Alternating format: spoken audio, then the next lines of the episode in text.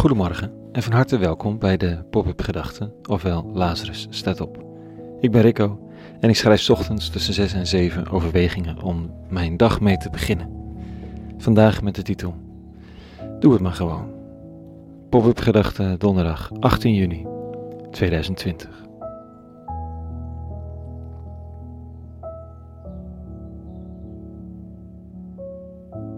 Doodsbang om fouten te maken zo zijn velen van ons groot geworden, bang om te falen, angst om de gunst te verliezen van geliefden, of om je toekomst of geluk te riskeren, bang voor karma. De vrees dat je achteraf spijt zult hebben, dus dat je er dan vooraf maar niet aan begint. En dit is niet een religieuze voorbehouden, hè? voor hen is het alleen nog wat lastiger. Deze menselijke ingebakken vrees wordt er nog, ook nog eens goddelijk bekrachtigd met een streng superego, dat inderdaad boos, teleurgesteld of wraakzuchtig wordt van mijn fouten. Waardoor ik maar de brave burger word waar weinig op is aan te merken met weinig risico en hoop dat mijn keurige gedrag ooit eens beloond zal worden, want leuk is het niet. Het lijkt me eerder een evolutionaire ontwikkeling, deze angst, dan een religieuze. Evolutie leert ons om te overleven. Het helpt ons om bang te zijn voor wat ons leven bedreigt. Zo houden we allemaal angsten over uit onze kindertijd voor dingen waar we nu echt niet meer bang voor hoeven te zijn. Maar ja, toen waren het hele reële angsten. Toen was het levensgevaarlijk als geliefden je in de steek lieten. Dus is de reflex na opgegroeid te zijn om diep te vrezen dat je vrienden je in de steek laten. Punt is, nu ga je er niet meer aan dood. Vroeger als kind zou dat wel zomaar kunnen gebeuren.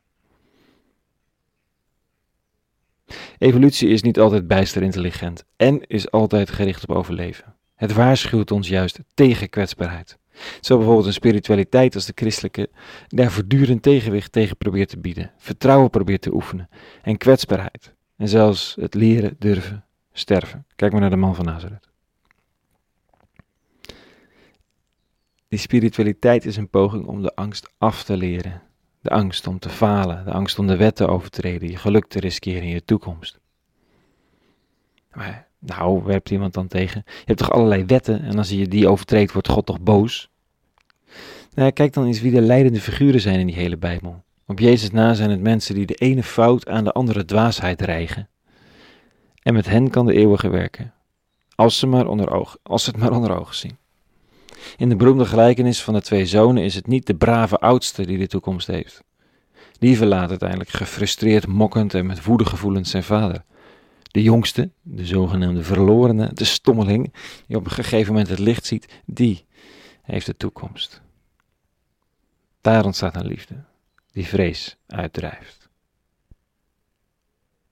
Christendom is een poging om vergeving te leren, zowel als iets om aan anderen door te geven als iets om te ontvangen. En ik denk zomaar dat als we vergeving werkelijk een beetje gaan begrijpen, dat het een krachtig tegenmiddel is tegen de angst om te falen en de angst om de ander te verliezen. De krachtige ervaring van vergeven worden of vergeven maakt relaties reëler. Ja, soms is iemand niet blij met je. Kijk, ik doe er vaak alles aan om te voorkomen dat dit het geval is. Tenminste, als het belangrijke mensen zijn en ik het thema belangrijk vind.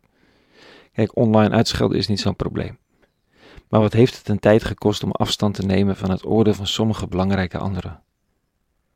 Dat je uiteindelijk besluit dat je zelf de weg moet gaan.